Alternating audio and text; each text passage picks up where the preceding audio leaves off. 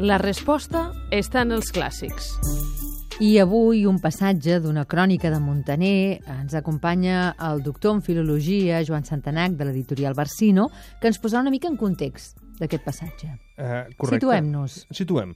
Avui parlem de la batalla de Galípoli, ja l'havíem parlat alguna vegada, en què eh, observem com lluitaven els almogàvers. Els almogàvers, aquests famosos guerrers medievals catalans que, diguem, la, la, la monarquia catalana utilitzava com a forces de xoc, i no només com això, eren gent que treballaven amb molt poc equip i, per tant, eren molt bons infiltrant-se darrere les files eh, enemigues i, per tant, diguem, eren una mena de rambos de l'època, per entendre'ns, eh? Doncs en aquest fragment que llegirem avui llegirem de quina manera les tècniques almogàvers, això amb poc equipament, poden enfrontar-se i guanyar contra guerrers i cavallers amb l'armadura, els cavalls i tota la parafernàlia que, que correspon.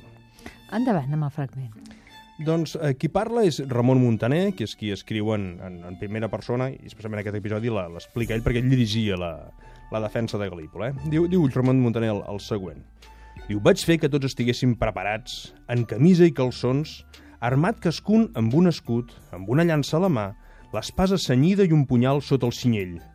I quan el seu capità, dels enemics, Antoni Spínola, que era genovès, amb tots aquells bons homes que portaven les cinc banderes van arribar fins a la porta de ferro del castell i van presentar una dura batalla durant una estona, com que la majoria estaven assedegats i morts de calor, estaven dintre de les armadures, diguem, això era el mes d'agost, jo llavors vaig encomanar-me a Déu i a Nostra Senyora Santa Maria i vaig obrir la porta. Llavors, amb els sis cavallers armats i els soldats d'infanteria, lleugers d'equipament que van sortir, vam anar a atacar les seves banderes i amb el primer cop ja en vam aterrar tres. I ells, veient com nosaltres lluitàvem tan aferrissadament de cavall i de peu, es van veure vençuts i ens van mostrar l'esquena.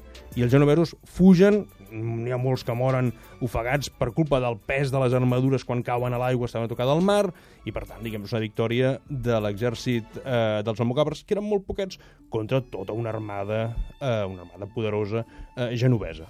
I com ho podem traslladar, això? Tu abans de parlaves del Rambo i he pensat en les tortugues ninja. Pensem, món infantil, eh? Tortugues una mica ninja. també, una mica també. Doncs com ho traslladem? Quina és la lliçó que els hi explicarem avui? La lliçó avui? és que l'equipament de vegades pot ser útil. Si portes una bona armadura i llença una fletxa, segurament eh, t'aturaran la, aturarà la fletxa, però això, si resulta que algú és més hàbil que tu i amb poc equipament et pot guanyar, pots pensar potser no calia tanta armadura, o potser només l'hem d'utilitzar en determinades ocasions. Lliçó que crec que en podem extreure, eh, fem servir les coses que ens calen. Eh, I, per tant, si no ens calen unes sabatilles esportives últim model, eh, ultra lleugeres, perquè el tipus d'esport que fem no ho necessita, doncs podem córrer perfectament amb unes altres sabatilles d'esport. De, jo ara hi ha aquests runners que reivindiquen eh, córrer descalços. Això és fantàstic. Eh, per tant, una mica això, eh? és difícil, és difícil, eh? Però convèncer els nois i noies que de vegades demanem moltes coses que potser no calen, doncs seria una mica la metàfora que en podríem extreure avui. I on no ho podríem trobar, això?